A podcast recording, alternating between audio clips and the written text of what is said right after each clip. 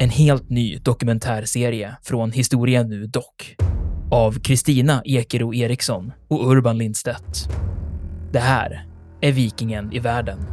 Vikingarna, de var inte något främmande folk. Sannolikt är det ett slags tempel, ett kulthus helt enkelt. Enligt legenden så är rykiderna skandinaver. Från skeppet och bränslet och slavinnan och hennes herre hade blivit till aska. Du hör dokumentären på historia.nu eller där poddar finns.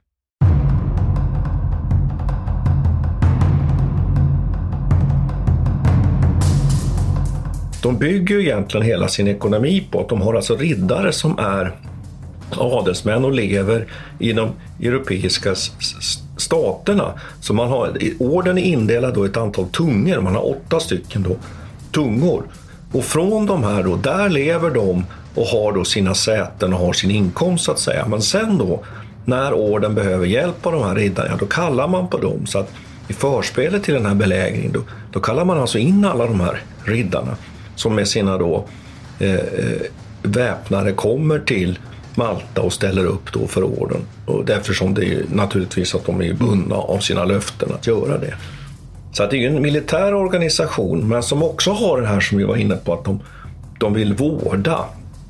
De vill ta hand om, hjälpa, omsorgen om de här pilgrimerna.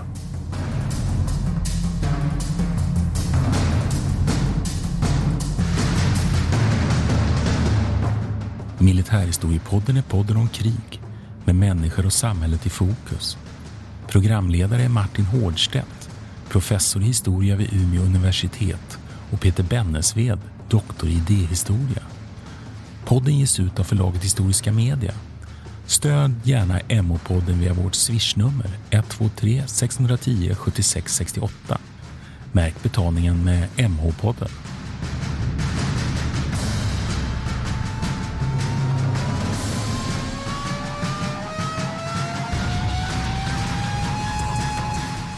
Välkommen till Militärhistoriepodden. Det här är Peter Bennesved. Och det här är Martin Hårdstedt. Och idag ska vi snacka om Malta 1565. Och jag kommer ihåg när du, när du sa det här ämnet till mig så var jag, var jag lite ställd faktiskt. Jag får erkänna nu för lyssnarna att jag har väldigt dålig koll på vad det här betyder. För att jag tänker att det som är mest intressant på 1500-talet måste väl ändå vara slaget vid Lepanto 1571. Och varför just slaget i, vid Malta 1565, Martin? Kan du förklara det? Ja, då tycker jag egentligen att du har ganska klart för dig vad det här handlar om. Att båda de här händelserna är ju enskilda händelser som ju är ju tveksamt om de har den där avgörande betydelsen. Vi vill ju ofta ge sådana här belägringar, slag, slaget vid Lepanto en avgörande betydelse. Men tillsammans så är de ju en del av någonting som ju präglar hela 1500-talet, nämligen det Osmanska rikets mycket starka expansion. Och där de kristna eh, kungariken och de kristna Eh, makterna i Europa har väldigt svårt att under 1500-talet hålla emot den här expansionen. Och där blir ju den här belägringen 1565 och sen Lepantoslaget 1571 egentligen en, en del i det, i det händelseförlopp och den process som gör att de kristna egentligen stoppar upp den här osmanska expansionen i, i Medelhavet. Det kan man ja. säga påbörjas också i, i, det förra århundradet, nämligen 1453 med att Konstantinopel faller. Det är ju någonting, ett, ett, en belägring eh, som eh, för i alla fall idéhistoriker är väldigt känd.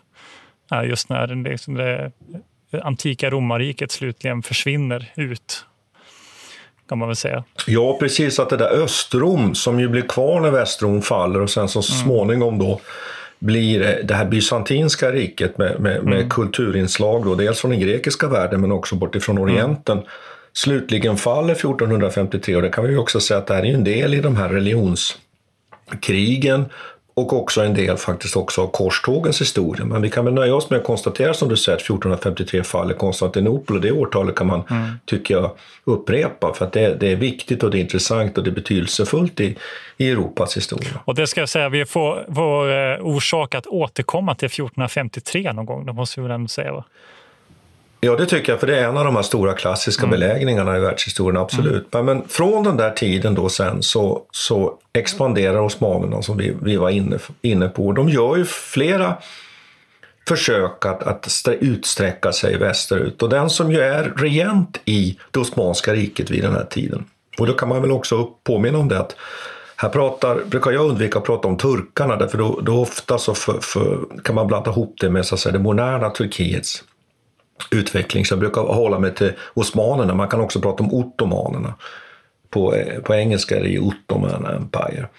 Men osmanerna expanderar väldigt kraftigt under den här Suleman, Suleman som ju vid tiden för, för Maltas belägring då 1565 är en ganska gammal man, uppåt 70 år. Mm. Men han har ju en enorm karriär bakom mm. sig och man kan ju säga att det kan man ju nämna då att de egentligen enda bakslag han har utrikespolitiskt med den här expansionspolitiken det är ju att han får stoppa framför Wiens murar då, ja. 1529. Och det som vi ska prata om idag, Maltas mm. belägring 1565. Det är hans egentligen verkligt stora bakslag. Han valde att skriva ner detta på sin eh, dödsruna också. Istället för att lista, alla, ja, istället för att lista alla stora vinster han har gjort eh, så, så, ville han, så skrev, beordrade han att det skulle skrivas att han planerade för Wiens fall och belägringen av Malta. Men att det inte Just lyckades. Det. Så man kan tänka sig att det här var ganska viktigt för honom. Och De har ju en tradition det här med, med att, eh, så att säga, göra ett andra försök också. För Det är inte första gången som eh, ottomanerna ger sig på de här johanniterorden, utan de har ju varit på, förut så satt de ju på Rhodos. Eh, det... Just det, och då kan vi väl kanske börja med att säga att de här johanniterriddarna, vad det är för någonting då? Mm. Det är ju en, det är en sån här riddarorden som ju i, först inledningsvis då ska skydda pilgrimer som är på väg till Jerusalem och sen så småningom får stor militär betydelse och marin militär betydelse för att de blir skickliga faktiskt på att störa den osmanska sjöfarten. Och de, precis som du säger, sitter ju då på Rhodos. Ja, det går ju illa på Rhodos, därför där tvingas de ju bort så småningom. Och egentligen är det så att Rhodos var inte så egentligen bra placering för de här ja, riddarordrarna. De blir ju så att säga utkastade från fastlandet i, i, samtidigt som osmanerna tar alla kristna områden överhuvudtaget. Och sen hamnar de på Rhodos och de har väldigt svårt egentligen att agera där därför att så fort de ger sig ut med sina galärer för att slå mot den osmanska handeln eller att göra krigståg mot fastlandet, ja då, då är de så nära så att osmanerna har väldigt bra kontroll på dem. Och sen kommer de ju då att tvingas, tvingas från Rhodos. Suleman belägrar ju Rhodos, intar fästningarna, låter faktiskt de här riddarna segla bort. Han mm. till och med skaffar fram egna fartyg och låter de här mm. riddarna faktiskt eh, slippa undan. Som någon slags hedersamt, eh, som någon slags hedersam eh, handling va? För liksom respekt för att de hade klarat av det där. Ja, annars var det ju väldigt hänsynslösa mm tag mellan kristna och osmaner vid den här tiden. Det var ju ofta eh, summariska avrättningar av, av fienden och så vidare. Mm. Så det ska vi komma ihåg. Men här får de så att säga komma undan med vissa då, som du säger, hedersbetygelser. Och sen får då de av kristenheten, eller framförallt är det då Filip den andre, Karl V förlåt, som ju är den, den starke mannen vid den här tiden i Europa, i Medelhavet, västra Medelhavet, som innehar tronerna både i det som vi skulle kunna kalla idag för Tyskland, Italien och Spanien som ger då de här johanniterriddarna Malta och dit kommer de 1530 mm. till den här karga lilla ön som ju har väldigt små dimensioner. Jag har, har, faktiskt besökt den vid två tillfällen i mitt liv och det är en fantastisk ö på väldigt många sätt och inte minst då präglad av den här belägringen historiskt. Då. Mm. Och då kan man väl lägga till att Malta belägras ju faktiskt också en, en gång senare i historien och det, det tror jag att vi definitivt kommer att ha anledning att nämna. Av samma skäl egentligen som att det belägras 1565 och det är under andra världskriget. Och det men, beror ju på att den här du, ön... Men nu missar du en grej här. Ja. Napoleon är ju där också på 1700-talet. Napoleon är där också och det, det, det är alldeles riktigt och det, det är samma skäl där. 1500-tal, 1800-tal, 1900-tal. Den här ön är strategisk. Ja. Jag tycker vi kan nämna den sen, för, den, för, den, är, för den, är, är, den är en intressant jämförelse med det vi ska prata om nu. Så vi tar det på slutet sen. Ska vi snacka lite om det där. Eh, skillnaden mellan, eh, mellan eh, Napoleons belägring och Suleimans belägring, eller försök. Just det. Planning for your next trip? Elevate your travel style with Quince. Quince has all the jet setting essentials you'll want for your next getaway, like European linen premium luggage options, buttery soft Italian leather bags, and so much more. And is all priced at 50 to 80% less than similar brands. Plus, Quince only works with factories that use safe and ethical manufacturing practices. Pack your bags with high-quality essentials you'll be wearing for vacations to come with Quince. Go to quince.com slash pack for free shipping and 365-day returns. Cool fact, a crocodile can't stick out its tongue. Also, you can get health insurance for a month or just under a year in some states. United Healthcare short-term insurance plans, underwritten by Golden Rule Insurance Company, offer flexible, budget-friendly coverage for you. Learn more at uh1.com. This is Paige, the co-host of Giggly Squad, and I want to tell you about a company that I've been loving, Olive and June. Olive and June gives you everything that you need for a salon quality manicure in one box. And if you break it down, it really comes out to $2 a manicure, which is absolutely insane. It's also so easy to get salon worthy nails at home with Olive and June. The difference between how your nails used to look when you did them yourself and now with the Manny system is a complete game changer. The best thing about Olive and June too is it's a quick dry, dries in about one minute, lasts for five days, and full coverage in up to one to two coats. Visit oliveandjune.com slash perfectmanny20 for 20% off your first system. That's oliveandjune.com slash perfectmanny20 for 20% off your first system.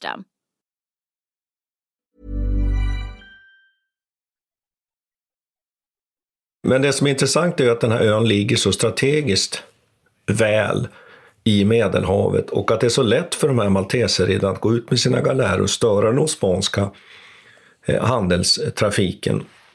Eh, och osmanerna kan inte se när de ger sig ut. Det är det som är det förnämliga. Och tar man Malta så kan man alltså ha en flotta baserad där. Och sen då, det är det som är skälet till att Soleman och osmanerna vill ta Malta.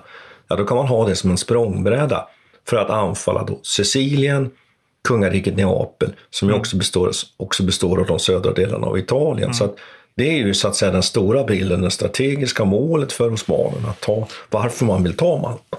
Så om man tittar lite på, på kartan också ser man ju att eh, Sardinien, och Sicil, Sicilien och Malta bildar ju som en slags mur rakt igenom Medelhavet också. Så att det låser ju så att säga, den västra delen av, av Medelhavet om man, har, om man kan kont- kontrollera de här områdena. Så det blir som en språngbräda ytterligare västerut. Om man då får kontroll på det här. Men om man ska om jag får, får reagera lite på vad du säger nu Martin. Eh, kan man kalla dem bara en slags kristen elitpiratstyrka egentligen? För de är ju, de är ju förhållandevis små. Eller förhållandevis, de är ju otroligt, det är ju en liten grupp.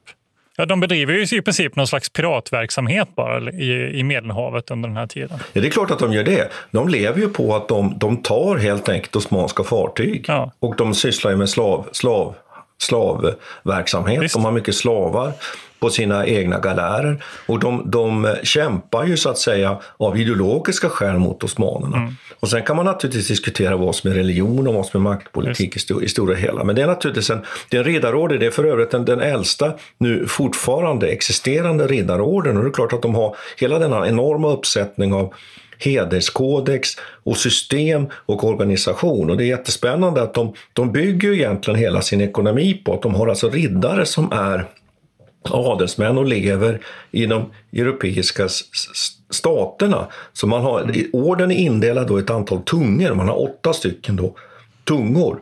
Varav en då precis strax in- innan den här belägringen 1565 faktiskt då försvinner, den engelska. Därför att man genomför ju då den protestantiska reformationen i England. Och, och från de här då, där lever de och har då sina säten och har sin inkomst så att säga. Men sen då, när orden behöver hjälp av de här riddarna, då kallar man på dem. Så att i förspelet till den här belägringen, då, då kallar man alltså in alla de här riddarna som med sina då eh, eh, väpnare kommer till Malta och ställer upp då för orden. Och därför som det är naturligtvis att de är bundna av sina löften att göra det. Så att det är en militär organisation, men som också har det här som vi var inne på, att de, de vill vårda.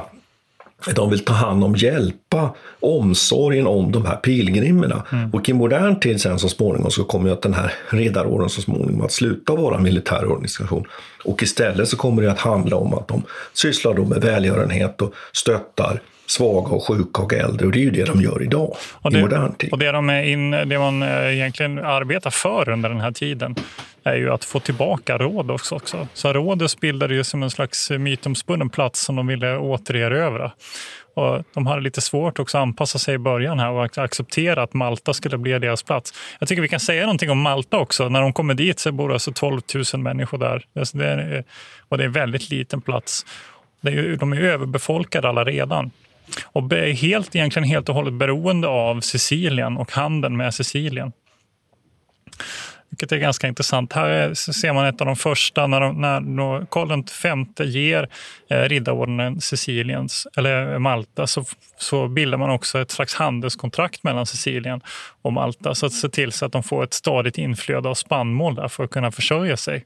Och den här befolkningen då som bor på Malta de arbetar ju också med den här typen av piratverksamhet gentemot eh, ottomanerna. Så det är inte bara liksom, det är inte bara ett slags ideologiskt krig här utan hela deras ekonomi bygger faktiskt på att de ska fortsätta med det här arbetet, i alla fall här på ön. Sen så finns det ju den övriga verksamheten som är utspridd över hela Europa. Och jag tycker att när jag läste om det här så tänkte jag på att kan man inte kalla dem något slags, det påminner lite om ett multinationellt företag egentligen i medeltidsmiljö. Eh, för de är ju som inte egentligen bundna till någon speciell nation. Men samtidigt så är de ju, då har de ju som slags eh, lokala eh, kontor, det låter det anakronistiskt att säga det, men de har ju någon slags, eh, i varje land så finns de representerade då, och sen har de liksom ett råd där och, och, och sin huvudbas på Malta. Ja, det är som du säger, att de, är, de enda egentligen legitimitet de har och att, att, så att säga, stöd de har. Dels är det att de är så att säga, registrerade och godkända av påven om man kan uttrycka sig ja. så. Eh, och sen har de då ekonomiskt stöd i de här staterna och framförallt det har de ju sin tyngdpunkt i i det som vi idag skulle kalla för Spanien och Frankrike. Och där finns det ju så att de härskarna där, bland annat då så småningom Filip den andre och så vidare, med deras goda minne så finns de här riddarna där mm. och de får sina inkomster från sina gods där och bidrar ju då till, till de här Maltes, eh, Malteserorden som den sen faktiskt kommer att heta, men Johanniterorden. Och det är väl också inte, eh, eh, viktigt att säga här att de, de får ju mycket resurser och pengar och stöd just därför att de ju vid den här tidpunkten är viktiga för kristenheten, att de håller Malta. Det är ju en väldigt svaghetsperiod. Mm. Vid den här tiden så är det ju faktiskt så att och Spanien har ju lyckats faktiskt att tillfoga de kristna ganska förödande nederlag eh, eh i ett sjöslag då 1560 vid Kärba. Och man har resonerat lite kring att när, när den här flottan då, där är malteserna med, spanska flottan, så varför anfaller inte Spanien direkt då Sicilien och Italien? Då hade de kanske haft chans att nå framgång. Utan istället så väljer de nu att slå ut en belägring mot Malta som tar en massa tid. Mm. Och då hinner då framför allt Spanien så småningom organisera en gruppering som ju kallas för den heliga ligan, den heliga alliansen som så småningom då är den som, som besegrar då osmanerna 1571 vid Lepanto. Så att man kan säga att Malta och johanniterna och den här belägringen är del i ett mycket, mycket större skeende här märker vi ju. Mm. Ska vi säga någonting om den här ön, Malta? Det är ju en, en huvudö och där mm. finns det ju då, riddarna sätter sig ju ner vid det som man kallar för Grand Harbor, alltså den stora hamnen. Och det ligger då liksom på det nordöstra hörnet, där finns riddarna. Mm. Och det är ju där La Valletta ligger idag. Mm. Namngivet efter då den som ju är stormästare vid den här tiden, som nu kommer att leda den här belägringen. Jean Parisot de La Valletta. Eh, och sen finns det ju en liten ö norr om Malta också som heter Gozo. Vi kan ju bara nämna det. Och sen finns det inne på så att säga Maltas fastland finns det ju en, en stad som är så att säga de, eh, vad ska vi kalla det för, maltesernas, mm. det maltesiska adelskiktets mm. huvudstad då, som heter Medina. Eh, så att det här tycker jag väl är tre punkter som man då kan mm. ha här. Eh, och vid då Grand Harbor, där, där kan man då säga att det finns som två stora vikar in. Då. Den ena är då så att säga själva Grand Harbor, stora hamnen, och där finns det då två stycken, skulle man kunna säga, små, små halvöar där det då beläget två stycken små städer, befästa städer. Den ena heter Birgu, den som ligger längst mot mynningen och den inre heter Senglea. Och sen mitt emot då de här fästningarna norrut sett så finns det då en höjd som heter Skiberras och den höjden idag, åker man idag till Malta och La Valletta så ligger ju Valletta på, mm. på den höjden. Och där längst ute då på den udden där har man då byggt ett fort strax innan belägringen. Vi kommer lite till de här förberedelserna. Och sen norr om den här den andra viken, den norra viken här då, Marsa Samusketto, den är egentligen den plats som är den bästa att lägga en eventuellt osmansk flotta. Och det är det som man då från de här johanniterriddarnas sida är väldigt rädda för. Att, att där kommer osmanerna helt enkelt segla in mm. och komma väldigt, väldigt nära. Men vi har väl anledning att komma tillbaka till det där alldeles strax. Mm. Vi, med... vi, ska väl kanske komma in på förhistorien till, till själva belägringen. Ja, hur är det nu med tidshorisonterna nu? Man kan ju, får ju komma ihåg att det var ju ingen som kunde telefonera och ringa och säga att nu är det på gång. Men Nej. de hade ju i princip, vad hade de en vecka på sig förbereda när det kom in eh, korrespondens? Nej de, nej, de hade längre tid därför att det var ju så att man gjorde ett försök faktiskt. Då. Så redan 1551 så gör man ju ett försök från osmanernas sida och det är den här Dragut som är en sorts, vad ska vi säga, eh, statskapare, statssjörövare, mm. som är hyrd av osmanerna. Han anfaller faktiskt Malta med 10 000 man och är där under en, ve en vecka. Det han lyckas göra är att han tar 5 000 fångar på Gozo. Eh, och sen fortsätter han till Tripoli där han faktiskt slå, ta, återtar Tripoli och slänger ut johanniterriddarna från Nordafrika. Men då bygger man 1552 då. Man är ju chockad av den här händelsen då, 1551. Man inser att han kommer ju komma tillbaks. Och då förstärker man de här befästningsverken. Så det som man gör då, det är att man bygger då framförallt då en, en Sankt Mikkel, ett fort på Senglea, ett av de här befästa städerna inne i den här stora hamnen Grand Harbo. Och sen förstärker man befintliga då befästningar. Den största befästningen på Malta vid den här tiden är ju Fort Sant'Angelo Angelo den förstärker man, men så bygger man ute på den här Mount Skirerra, där bygger man då ett, ett litet fort, Fort Sant Elmo, det kommer bli väldigt betydelsefullt under belägringen. Därför att ska man gå in i den här Marsa Samusketto, där det är så bra att lägga en, en, flotta, ja, då måste man förbi det Fort Sankt Elmo. Mm. Och det här kommer att spela nyckelroll sen under belägringen och det bygger man då 1552. Och då får man viss hjälp med pengar och resurser då från de här stora västkristna rikena för att göra det här. Och så kan man väl nämna då att jag pratar ju om den här De Valette, De Valletta han blir då stormästare för orden 1557. Så det där är väl, tycker jag, några viktiga grundfakta. Mm. Jag kan, jag kan till, tillägga det att det var på tal också att de skulle eh, bygga ut det här Sankt Elmo och anlägga en stad där redan, redan tidigare. Men att eh, då har historiker då menat att eh, man sköt upp det just för att man var så fokuserad på att komma tillbaka till Rhodos. Så det kändes som en alltför stor investering i någonting som man ansåg inte var eh, långsiktigt. Och, det... Nej, och man inleder ju sen byggandet av den här nya, den, den stad som man så att säga ser idag. Den inleder man ju sen då, åren precis efter mm. den här stora belägringen 1565. För att ja, man inser att osmanerna kommer att komma tillbaka så att mm. säga. Men man kan väl nämna lite bara en sak, skjuta in där då att vad är det för hot man har? Jo, det är ju artilleribeskjutning och det tycker jag är intressant att 1500-talet är ju en period då man, där krigföringen utvecklas väldigt mycket och man börjar ju bygga det som vi skulle kunna uppfatta som, som mer moderna befästningar, alltså bastionsbefästningar. Befästningar som också har skyddade artilleriställningar, så, så kallade kasematter. Eh, eh, och det är ju det som byggs då, för Fort Sant Elmo är, är ett ganska modern fästning då, även om den är väldigt liten och egentligen helt otillräcklig. Men det kan man väl nämna här, det, därför att osmanerna var ju vid den här tiden oerhört skickliga belägrare. Mm. De hade framförallt en enorm artilleripark. Och vi kommer ju sen vid något tillfälle här så kommer ju den här, eh, de här två befästa städerna, då, Singlea och, och Birko, kommer utsättas för bombardemang. 65 tunga artillerikanoner. Det är ganska, en ganska massiv beskjutning för att mm. vara 1500-talet. Och du, du var ju inne på 1453 Konstantinopel och sådär. Att, att de var duktiga belägrare, mm. osmanerna. Det tycker jag kan vara viktigt här att komma ihåg. Men jag tänkte också, man kan väl nämna vem är det som får uppdraget här att genomföra den här belägringen? Det är ju ett hedersuppdrag. Man rustar en enorm flotta. Man räknar med att ungefär 190 fartyg kommer att segla nu mot Malta. Det här vet ju eh, eh johanniterna om. De har ju spioner i, i eh, Konstantinopel. Så de får ju veta att den här flottan är på väg. Då. Och Jo, det är den här Mustafa Pasha som är chef då för hela den här operationen. Och sen finns det då också en, en amiral med. Och de här två personerna då, de kommer sen så småningom att inte vara helt eh, ense om hur man ska eh, anfalla Malta och det är det som är den här, vad ska vi kalla det för, då, taktiska eller operativa eh, beslutsprocessen då på den osmanska sidan som sen kommer visa sig bli, de fattar helt enkelt fel beslut. Och han heter Piali, den här eh, amiralen, storamiralen. Han har oerhört goda relationer till Suleiman. Så att mm. den här Mustafa Pasha, han har, med, han har med sig en person som det är lite känsligt helt enkelt att bråka med. Så skulle man kunna uttrycka mm. det. Och det här kommer att visa sig vara mm. eh, helt ödesdigert för operationen ur osmanernas synvinkel.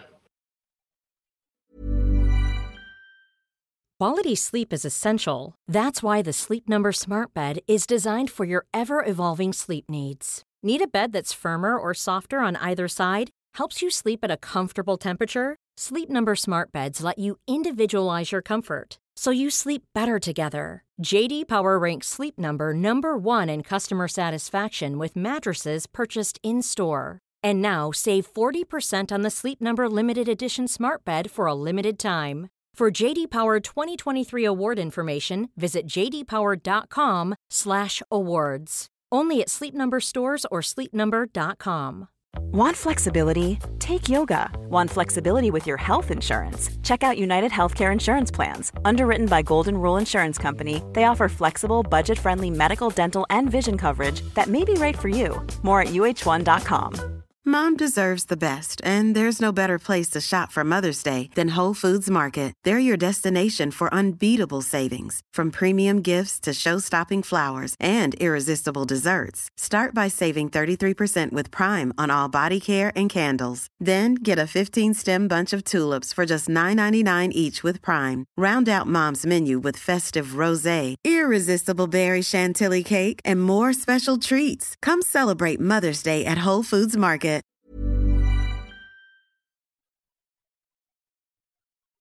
Kan man säga någonting om siffrorna också? Eh, de har ju med sig, det är ju såklart det är alltid svårt att prata om det här med, med hur många och så. Eh, men cirka 193 skepp och du sa 190. Eh, och sen, var det, ja. och sen är det mellan 28 000 upp till 40 000 har man väl sagt att de har med sig in här. Och då säger man 28 000 från eh, Turkiet eller det området. Då. Och sen så har man med sig ytterligare 12 000 från norra Afrika som sluter upp.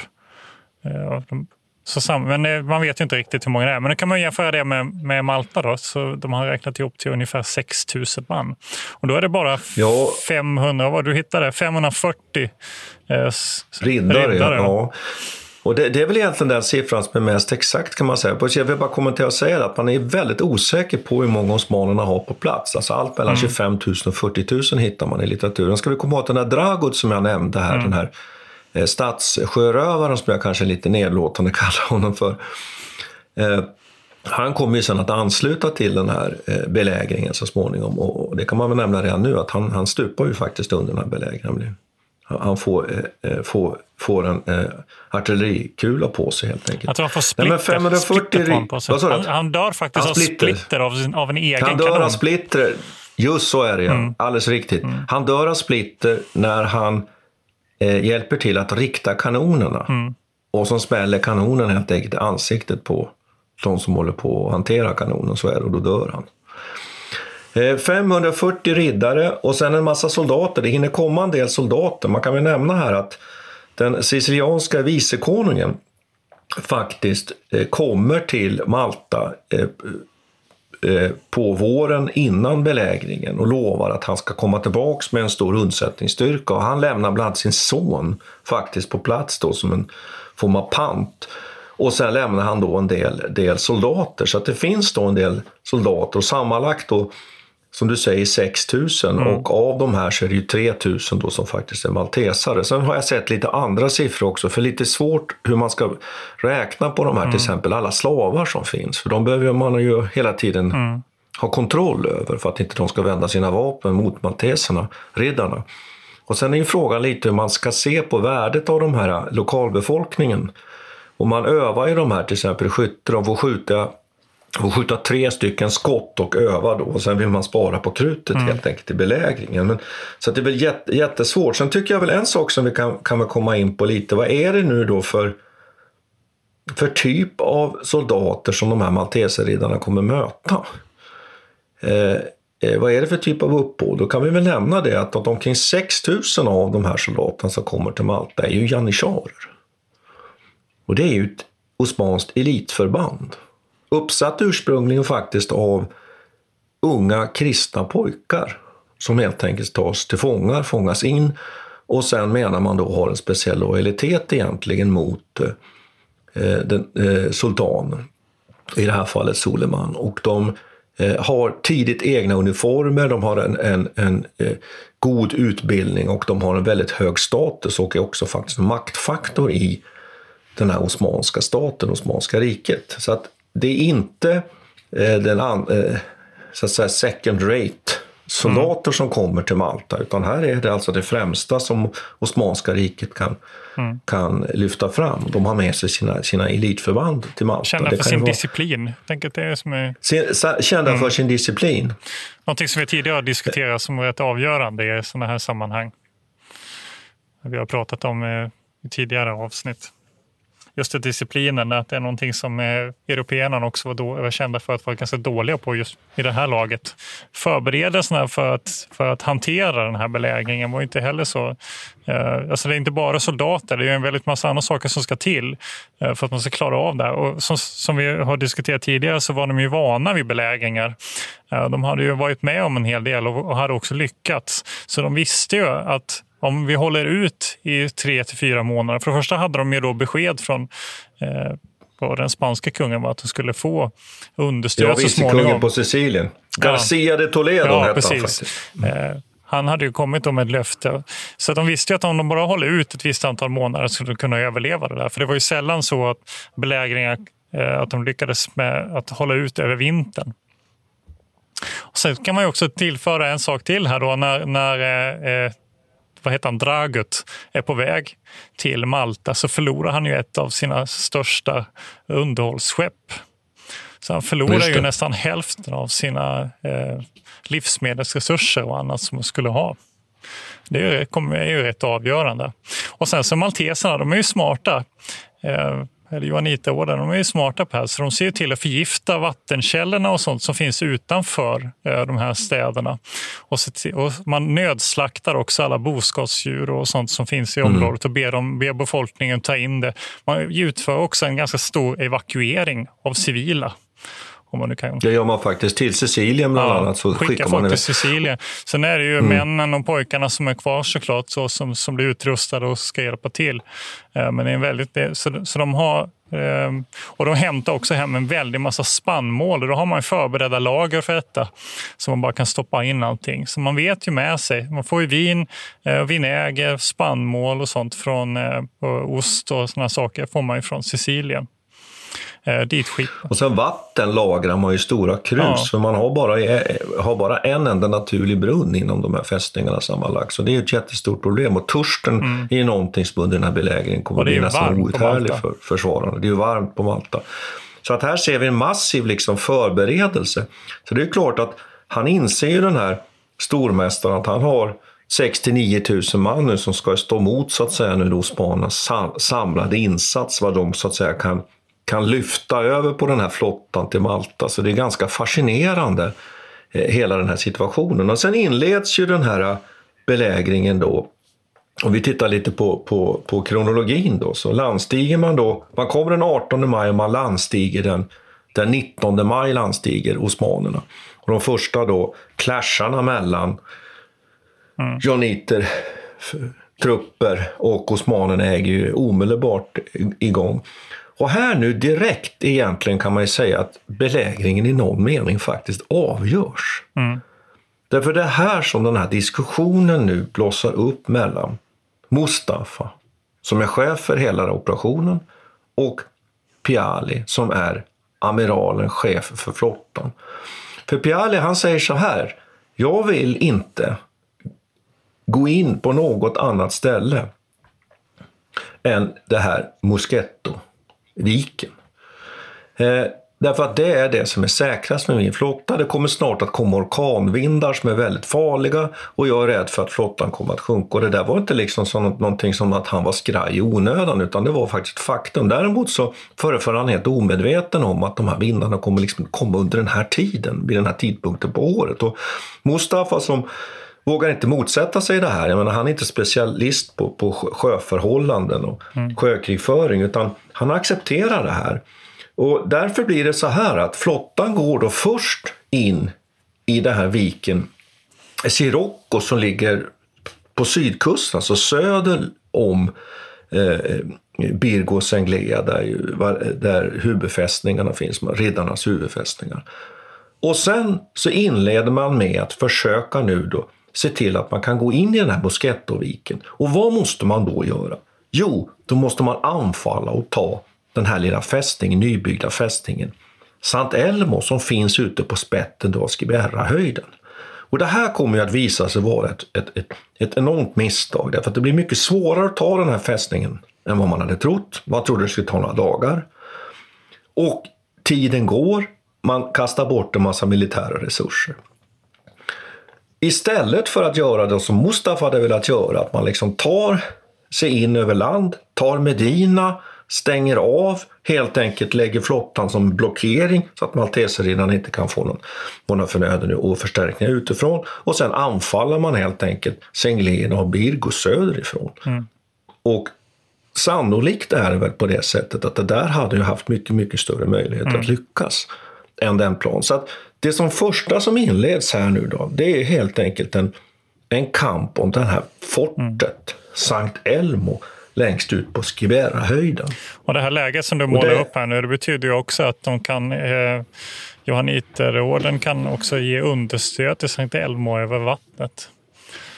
På, Precis. Och, mm, och det, man kan väl också ja, man kan väl också nämna här lite att, att mellan de här, de här två befästa städerna då, i södra delen av, av, av den stora hamnen då, mittemot Skibera-höjden och Sankt Elmo, där har man ju också spänt en stor kedja och man har också en, en bro, så där kan man understödja varandra. Alltså mm. anfalls, anfalls Singlea, då kan man skicka trupper över från Birge och tvärtom.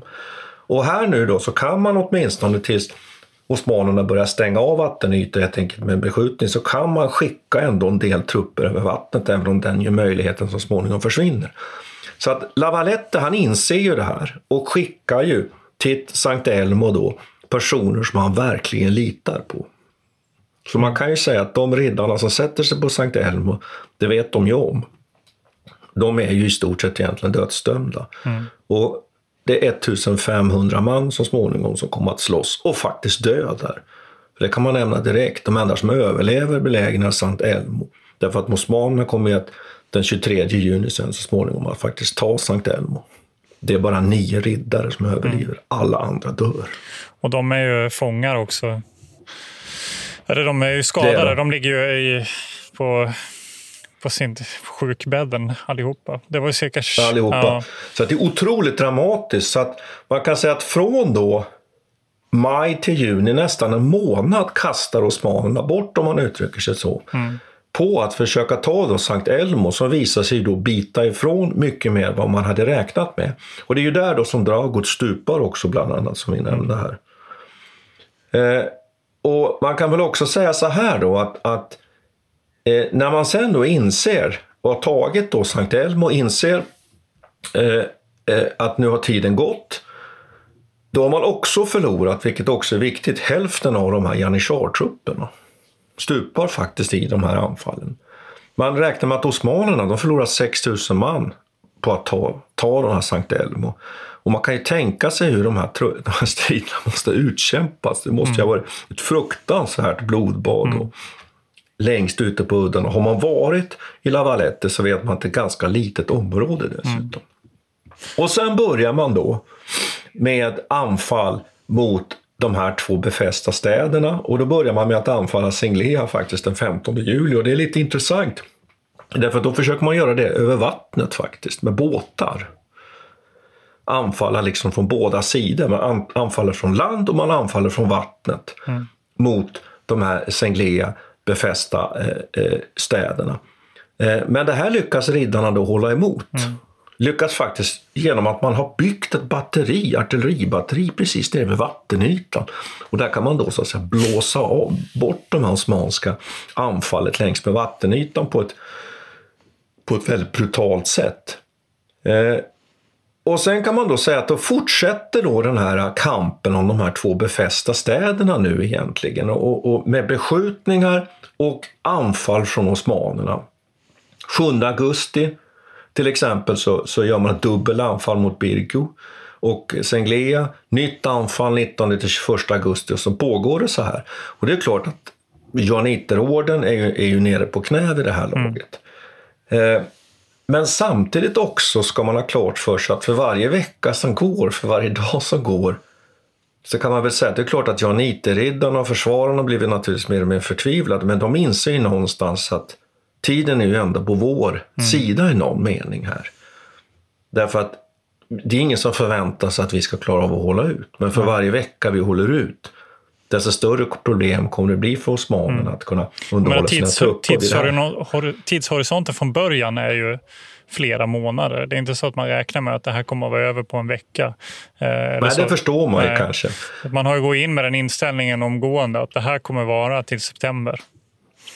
Eh, om vi ska överleva. Men ändå så, ändå så kan man ju säga att för varje vecka som går så, så, så får osmanerna större och större problem. De börjar tappa mer och mer liksom sin stridsmoral. De mm. har dysenteri mm. i sitt stora härläger eh, och så vidare. Den här stora vattenkällan man... de hade också eh, var ju, hade johanniterna hellre arsenik i. Okej, okay, så att... Så de blev väldigt sjuka också. Och det väldigt var, sjuka. Ja, och sen eh, fanns det en annan, eh, en, en, liten, en liten sjö eh, där eh, osmanernas eh, marin, vad heter det? Sjöstridskrafter, flottan. Ja, flottan, där de höll till. Den hade de hällt salt i. Eh, på det viset så hade de svårt att få tag på färskvatten. Mm. Och Det är faktiskt så att man ju också till och med bygger ett sånt där belägringstorn för att försöka anfalla och, mm. och ta de här Eh, befästa städerna. Det är ganska fascinerande att man gör enorma uppoffringar och satsningar. Till slut så inser man i slutet av augusti att det, det kommer inte hålla det här. Och, och eh, det börjar tryta med manskap, med mat och man fattar helt enkelt beslut om att evakuera. Vi, vi, får ta, vi får helt enkelt åka till Konstantinopel och erkänna att vi inte har klarat av den här belägringen. Och där tar de ju, riskerar de ju sina liv, de här två mm. eh, befälhavarna. Och då plötsligt kommer ju Don Garcia med den där evakueringsstyrkan Men här undrar, till Malta. Nu undrar jag Martin, är, alltså, ja. är det sant nu det här om att han seglade in i dimman helt tyst och lyckades landsätta 8000 pers och sen segla iväg igen själv? Nej, nej, utan han landstiger, hur han nu landsteg, med ja. eller utan dimma, så landstiger han då den, ja. den, den 7 september. Eh, och Ja, man kan fundera ja, lite kring det, det där. Men det låter helt det, magiskt, alltså att de skulle ha lyckats med det. Ja. Att de glider in i dimman och kommer i land. Och ja. här är vi återigen nu händerna på alla de här olika källorna som finns och hur man ska bedöma dem. Mm. Och ibland kan det vara så där lite att man, man eh, i efterhand så konstruerar man för att man vill ha en förklaring mm. och då förklarar man att det här blev en så enorm överraskning för osmanerna med att det liksom skulle ha rått dimma. Däremot är det inte så att säga, vad ska jag säga, vädermässigt helt otroligt. Även om jag har varit på Malta och svårt att tänka mig eh, eh, jag har svårt att tänka mig dimma, men det är att jag har varit där på sommaren. Och jag vet ju inte hur väderförhållandena är på hösten. där. Eh, det som händer då är att osmanerna har ett krigsråd och bestämmer sig för att landstiga igen. Sätta i land en del av den här belägringsstyrkan. Och marschera upp då mot de kristna. Och då utkämpas ett slag där som osmanerna förlorar. De får hals över huvud helt enkelt, flyr tillbaka till sina, sina fartyg. Mm. Eh, och man säger att den 13 september då lider osmanerna det här nederlaget på stränderna på Malta. Och då är, är belägringen över. Men hur resonerar de där då? Varför, varför gör de det? Är det? Tänker de då att de lyckas, om de lyckas bekämpa den här expeditionsstyrkan så kommer de knäcka johanniterna, eh, deras moral? Eller vad är, vad är liksom, hur resonerar man kring det? Vill de dö ärofyllt eller? Ja, för det första tror jag att de tänker så här att om vi besegrar den här eh, truppstyrkan som har kommit, då kan man tänka sig kanske att de har någon förråd eller någonting som gör att de kan förlänga belägringen och att johanniterriderna som du säger skulle bli så motstulna så att de ger upp. Eh, Men det kan ju också vara den, den förklaringen att vinner man det där slaget då ser det bättre ut när man kommer tillbaka till Konstantinopel och då kanske domen över den här hela den här operationens mm. misslyckande blir mycket. Planning for your next trip? Elevate your travel style with Quince. Quince has all the jet setting essentials you'll want for your next getaway. Like European linen, premium luggage options, buttery soft Italian leather bags and so much more. And it's all priced at 50 to 80% less than similar brands. Plus, Quince only works with factories that use safe and ethical manufacturing practices. Pack your bags with high-quality essentials you'll be wearing for vacations to come with Quince. Go to quince.com slash trip for free shipping and 365-day returns.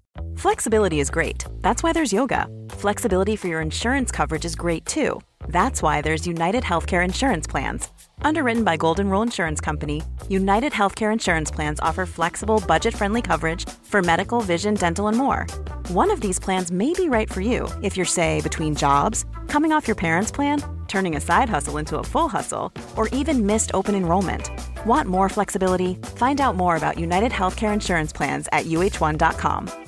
Mom deserves the best, and there's no better place to shop for Mother's Day than Whole Foods Market. They're your destination for unbeatable savings, from premium gifts to show-stopping flowers and irresistible desserts. Start by saving 33% with Prime on all body care and candles. Then get a 15-stem bunch of tulips for just $9.99 each with Prime. Round out Mom's menu with festive rosé, irresistible berry chantilly cake, and more special treats. Come celebrate Mother's Day at Whole Foods Market. Mycket mindre.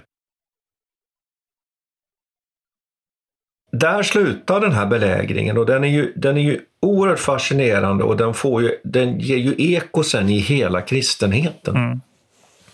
På ett, får man väl säga, sätt som väl egentligen helt klart över det är ju en överväldigande reaktion i, i mm. Europa. Så att reaktionen det blir liksom större och mer överväldigande än vad egentligen kanske den här mm. händelsens betydelse egentligen är. Ja, precis, man kan ju ställa frågan varför vi ens minns det. För jag menar, det är klart att eh, det är en spännande berättelse det du berättar nu eh, om hur det, allt det här gick till. Och, deras, och det finns ju många saker som du inte har nämnt. Alltså hur, hur tappert de kämpade, de här riddarna. De bars upp på stolar när de var skadade och satt där på murkanten med sina eh, tvåhandssvärd och vift viftade liksom in i det sista. Och såna saker. Det är, det är mycket den där symboliken som lever kvar. Men, men sen var man ganska överens om att hade osmanerna tagit Malta så hade det inte varit några större problem att ta tillbaka det sen. Så att dess militärstrategiska betydelse verkar inte vara så stor egentligen. Nej, och det är ju en sån där bedömning som, som görs då. Det, eh, att, att hade, som du säger, då mm. hade det ändå varit så att de kristna hade ganska lätt kunnat genomföra en, en motstöt. Å andra sidan kan man ju tänka sig då, om vi nu går på, på det som ju var egentligen bevekelsegrunden eller skälet till att man överhuvudtaget anföll Malta från början, att man hade satt sig fast och att man hade sen då försökt att fortsätta då med Malta som språngbräda att ta Sicilien och ta mm. södra Italien. Men det är ju egentligen bara de kontrafaktiska diskussioner som är väldigt svåra mm. egentligen att förhålla sig till. Det vi kan, kan ha klart för oss är att, att de västeuropeiska kristna rikena de är på väg uppåt och håller på att organisera sig för att kunna stå emot osmanerna. Och det är det som sen resulterar i det här stora sjöslaget vid Lepanto då, mm. 1500.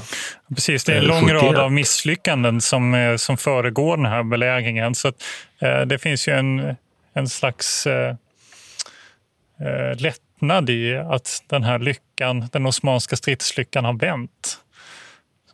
Som de spelar in i det, det här. Det tror jag. Mm. Det tror jag. jag tror att det är en av de viktigaste sakerna, att man här känner att här kommer en vändning. Och det är väl ofta så det är med sådana här mm. enskilda det kan man händelser. Säga, tol- Däremot kan...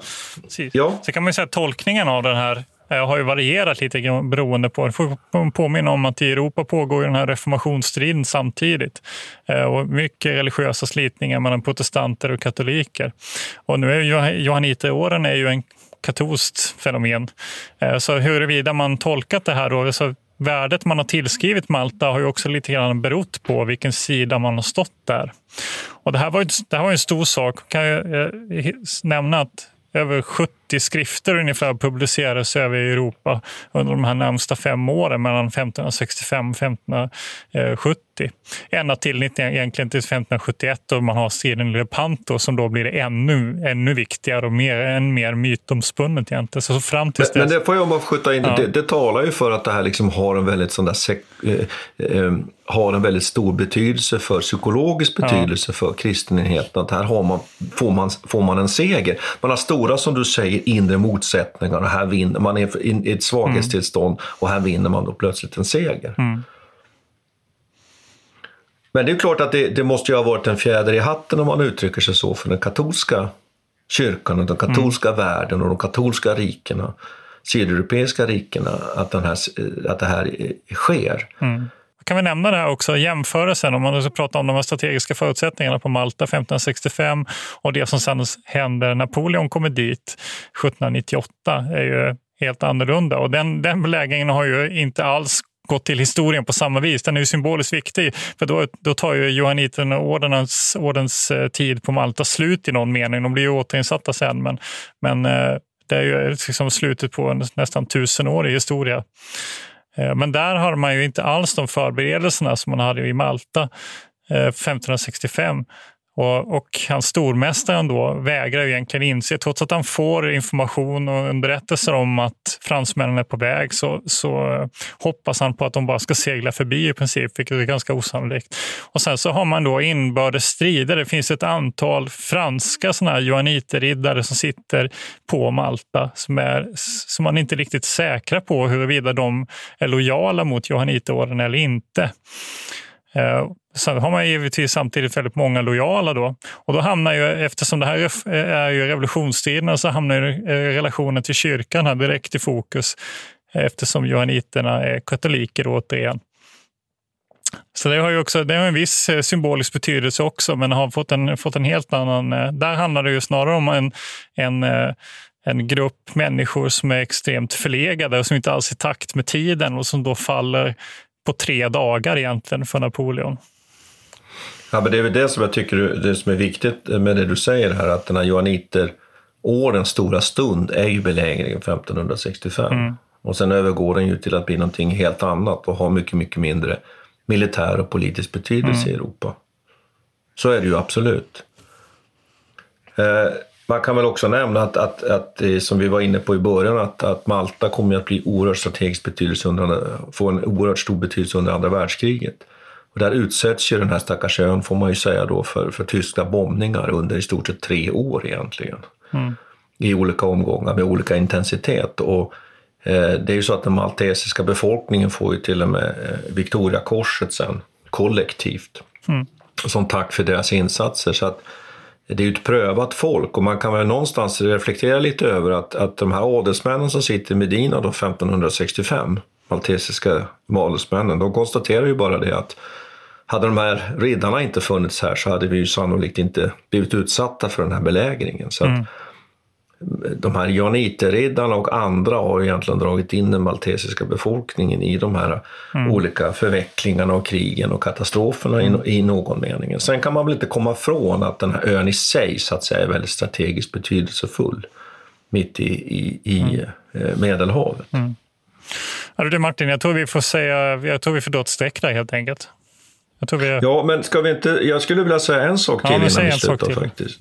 Ja, och den är ju att man räknar ju med att muslimerna, i det här fallet osmanerna, förlorar då återigen de här siffrorna, kanske 20-30 000 mm. man i den här operationen. Otroligt. Och, och att man stry, stryker med ungefär 7000 malteser och spanska trupper inräknade och 250 riddare, ungefär hälften av riddarna stupar. Så att det är ju en, en oerhört blodig eh, uppgörelse. Mm måste man ju säga. Men vi får kanske nöja oss med det. Ja, jag tror de kanske kan man väl säga lite nedslående eh, siffrorna på slutet här. Mm. Så får vi, tack ska vi ha. Ja, tack vi tackar Peter Bennesved och Martin Hårdstedt. Kontakta gärna Militärhistoriepodden via mail på militarhistoriepodden historia.nu. Peter och Martin vill gärna få in synpunkter och förslag till programidéer.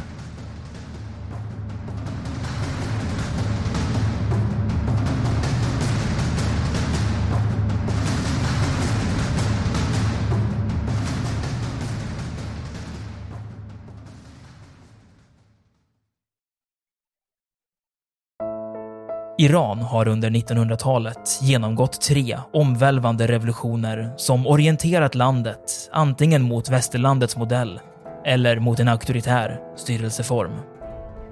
Idag pågår en social revolution i landet som vänder sig mot det islamistiska styret och vars anhängare har Europa och väst som förebilder. I en viktig bok ger idéhistorikern Mohammad Faslashemi en djupare förståelse för dagens dramatiska händelseutveckling. Iran mellan tre revolutioner är utgiven av förlaget Historiska Media. Beställ den fysiska boken på förlagets hemsida historiskamedia.se eller köp den i en bokhandel nära dig.